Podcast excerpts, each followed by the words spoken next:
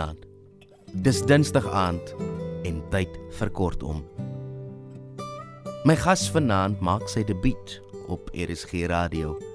Dit is Marcelino Oosthuizen, al die pad van Eerste Rivier in die Kaap. Hy lees Piero Becker se verhaal Boodskap van die duif. Dit kom uit die boek Lag byvoorbeeld uitgegee deur Tafelberg Uitgewers. Geniet ons storie.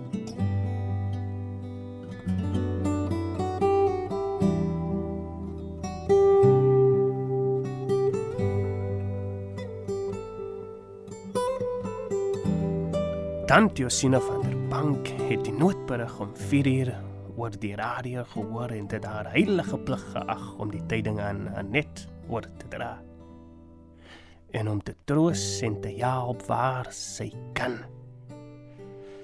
Dit was 'n moeilike taak. Daarom het sy nog eers gedraal en vurig gehoop dat Anet dit ook oor die radio gehoor het of dat iemand anders daar sal wees wat daar reeds vertel het. Iemand wat dit mak makliker sou kan doen. Almal het geweet hoe lief Anet en Adrian vir mekaar was. Hulle was net 6 maande getroud. Anet het haar eendag self vertel dat as Adrian iets moet oorkom, sy ook nie meer wil leef nie. Sy het Adrian te lief. En nou hierdie ding Tant Josina skuifel stadig met die nou verspoelde straatjie langs. Daarom vreeslike storms vir hierdie tyd van die jaar. Die draadloos het eener gesê dis die kwaaiste in mense jeugenis in die noordwestelike Transvaal. Hulle het seker vir ou Henny Kraus gevra. Hy is mos volgende maand 93 en hy het hier sy verstand gekry. Die telefoondrade lê glo plat. Dis seker die dat hulle van Adrian laat uitsaai het. Eindelik sien sy die huis en in haar hart bid sy dat Anet dit al moet weet. Dan Rally Welgemoed was besig om die beskuit uit te droog toe sy die noodberig hoor. Sy het daar aanvanklik nie aan die saaklike stem oor die radio gesteer nie. Maar toe sy met die herhaling Adrian se naam raak hoor, het sy die pan beskuit wat sy krities teen die lig beskou het, geskok laat afsak tot op die tafel.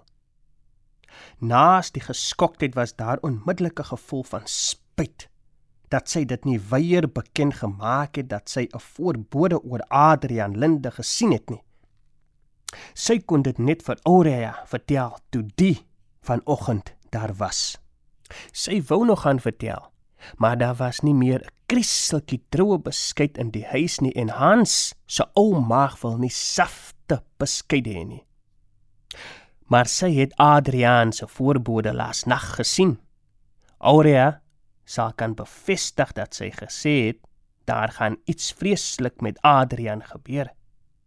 Arme Anet dat haar getroude lewe nou sy kry die kind darm so jammer En nou is sy nog in die ander tyd ook. Dan rally draai die aankondiger se woorde in haar gedagte om en dis vars soos die oopgebreekte beskuit. Sy moet gaan. Sy moet aan net gaan vertel. Wie weet, dalk is sy die enigste wat die berig gehoor het. Maar sy was nie alleen nie. In die voorkamer van die kleiner huis het reeds 4 vroue gesit. Tant Josina was een van hulle. Met die intrap het Tant Rally gesien alles is nie pleis nie. Anet het nog soos altyd gestraal. Nou kyk nou, al my ou vriendinne kom kuier nou vanmiddag vir my. Kom sit Tant Rally, kom sit. Dan het hulle nog nie gesê nie. Of kan dit dalk wees dat hulle ook nog nie weet nie? Haar oë dwaal van een gesig na 'n ander en toe is sy seker dat hulle weet en dat hulle almal met een doel daar is. Maar dat nie een hierdie mense te pletter kan slaan nie. Anet en Adrian het nog so baie planne gehad. Hulle wou laas maand nog met alle geweld weggaan omdat Adrian 'n beter werk op 'n groter plek kon kry. Maar hulle het besluit om te bly en sy rally het beter weterig gesê: "Hulle weet nog nie. Doringpan is soos 'n doodkus. As 'n mens eers daarin is, kom jy nie weer uit nie." Hulle het vir haar gelag. Sy sien Adrian nog soos daardie dag. So het sy hom laas nag ook in die voorbode gesien. Anet voel nie die spanning tussen die vyf vroue aan nie. Sy praat met hulle geesdriftig, hakkel soms effens soos haar gewoonte is. Kort kort dwaar al blik egter deur die groot venster na waar Adrian se posduwe blou en rustig in die hok sit. Een bad behaaglik met uitgestrekte vlerk in 'n kom waarvan die rand net bokant die grond uitsteek. Sy gaan maak koffie vir haar gaste. Nou is die vroue alleen. Jy het gehoor van Adrian? Die ander knik swyend. Ek het sy voorbode gesien las nag. Julle sal my nou nie glo nie, maar ek het 'n swart afgrond gesien en Adrian. Ons moet haar sê. Sy moet weet van Adrian. Ons kan nie so sit nie.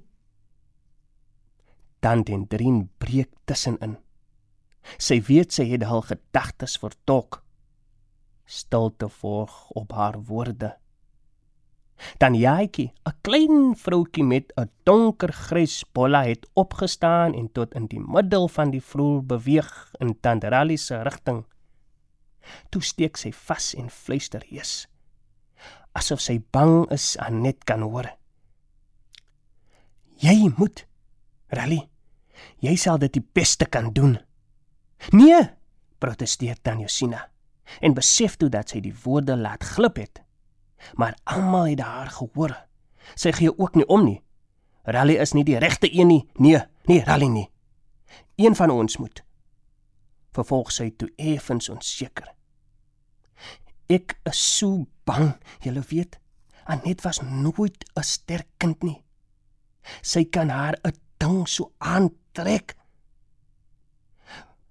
Wie wil jy dan sê? Seker jy? Daar is nou 'n ander klank in Tandarali se stem. Sy voel afgehaal.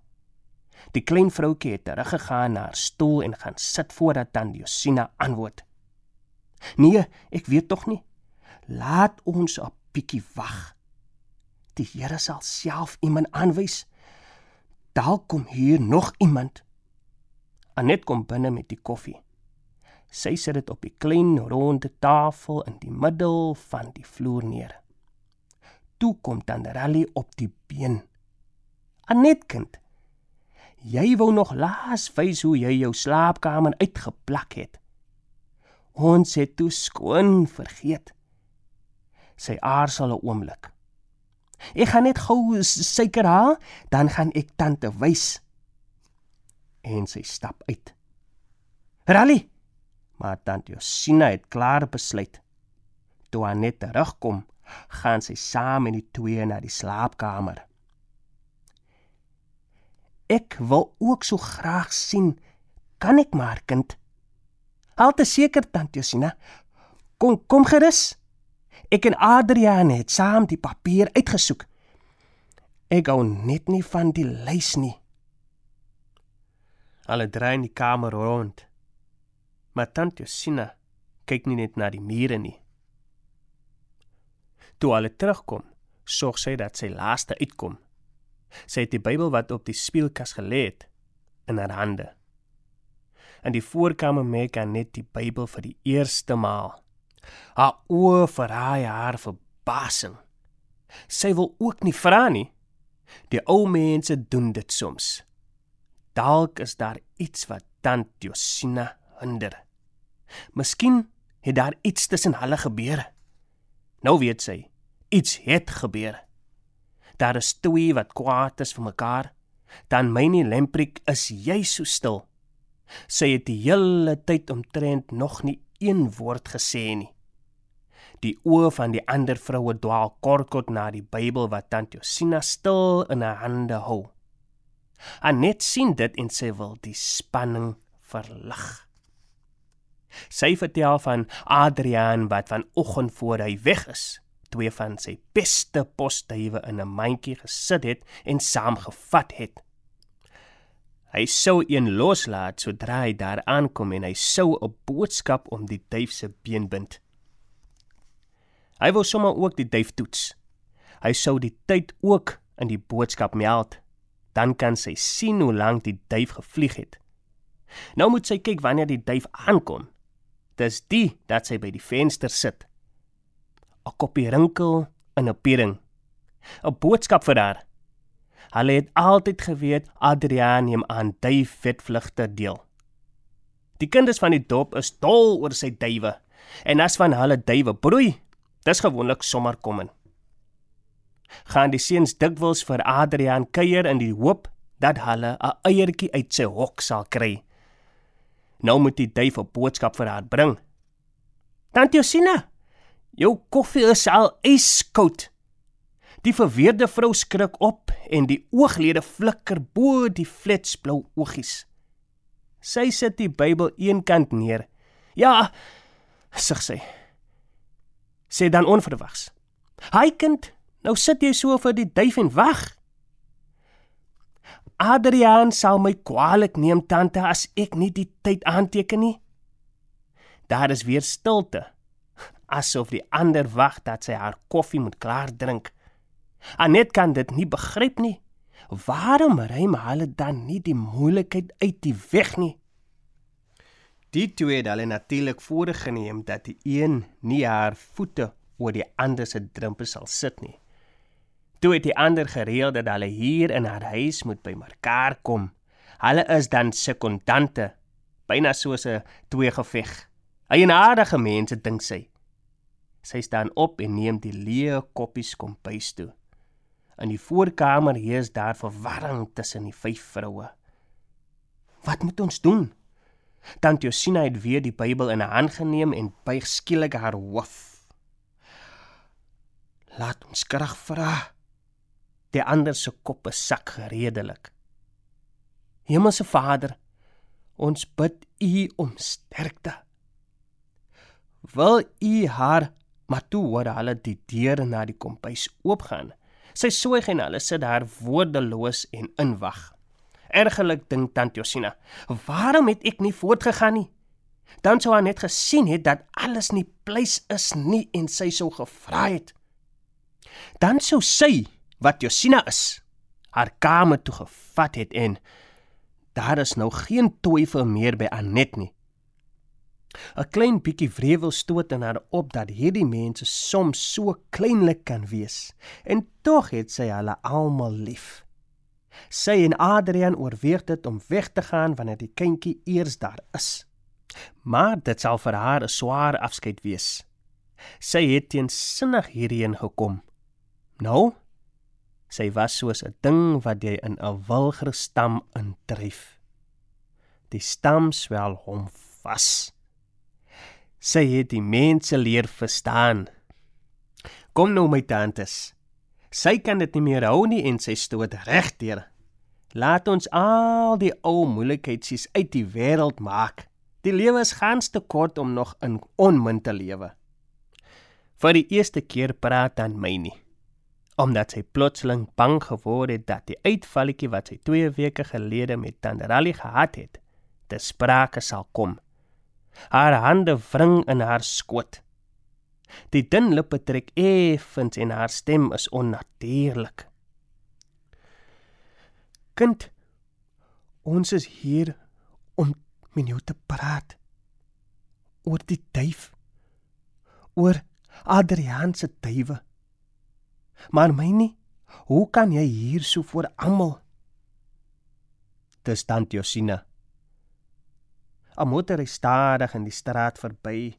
Dis 'n vreemde motor. Die vrou is oortuig die bestuurder het rondgekyk. So asof hy soek na 'n huis. Almal het hul koppe laat sak asof hulle bid. En net se gedagtes is 'n warbel. Kan dit oor Adriaan se duwe wees? Hy laat hulle tog net elke middag uit vir 'n oefenvlug en dan gaan sit hulle nooit op die dakke nie. Hulle keer altyd dadelik na die hok terug.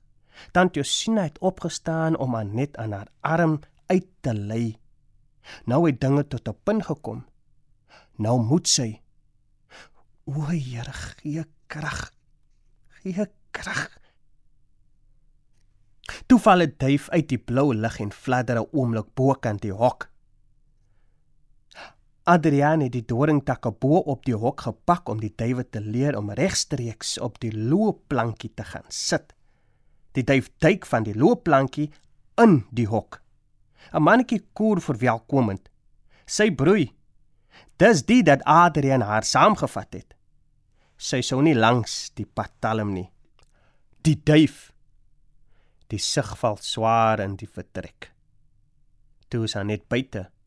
In die hok skarrel die duwe teen mekaar omdat dit voertyd is. Voor die venster staan die vyf vroue met strak gespanne gesigte. Ek sal gaan, vir Tanderali. Maar sy is bly toe die ander haar teenhou. Nee, laat haar alleen wees. Die duif met die breë gomlastiek ringetjie om die been is sag in haar hande.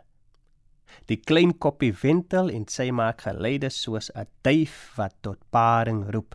Net sien weer agtiger. Anet haal die klein wit papiertjie uit die gomlastiek ringetjie en eers wanneer sy buite is, vou sy dit oop. Die ander sien hoe sy die boodskap lees. Op haar polshorlosie kyk en kalm aangestap kom. In die voorkamer sê sy wat in die boodskap staan net dat Atti veilig aangekom het en dat hy die duif om kwart voor 2 losgelaat het. Die ander dinge is vir haar persoonlik bedoel. Verslaandheid is op die vyf gesigte. Hulle kan dit nie begryp nie. Hulle was so seker dat die boodskap van die duif verpletterend sou wees. Hulle het al so daarop ingestel. En nou kan dit dalk wees dat dit 'n ander man is van wie die draadloos gepraat het. Nee, dit was tog duidelik. Dit was Adrian. Die spanning word te swaar. Dan myne breek eerste omdat sy bang is dat Anet sal vra wat die moeilikheid met die duwe is. Anet ek kan nou regtig nie meer sit nie. Jan en die kinders wag seker al. Dankie vir die koffie. Anet laat haar begaan. Tog hande die ding van die duiwe nog. Waarom het die tante nie klaar gepraat nie? Miskien sal sy nog van een van die ander hoor. Dan den drin en dan die jaaitjie volg. Eindelik gaan ook tant Josina. Draag omdat Rally alleen nog oorbly. Toe hulle alleen is, besluit hy net om tante Rally te vra.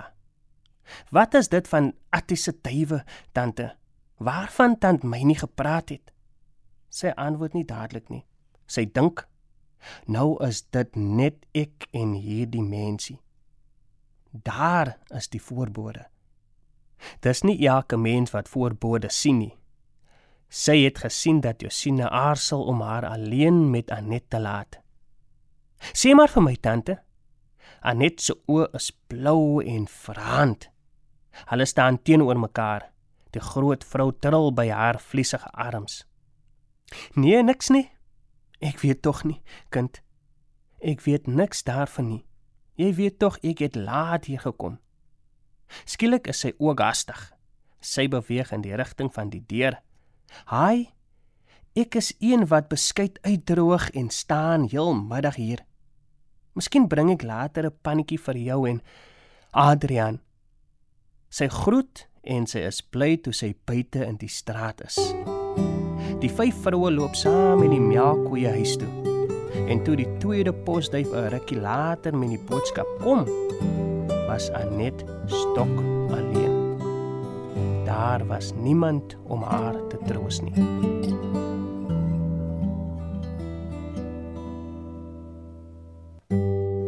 Dit was 'n boodskap van die duif, voorgeles deur Marceline Oosthuizen.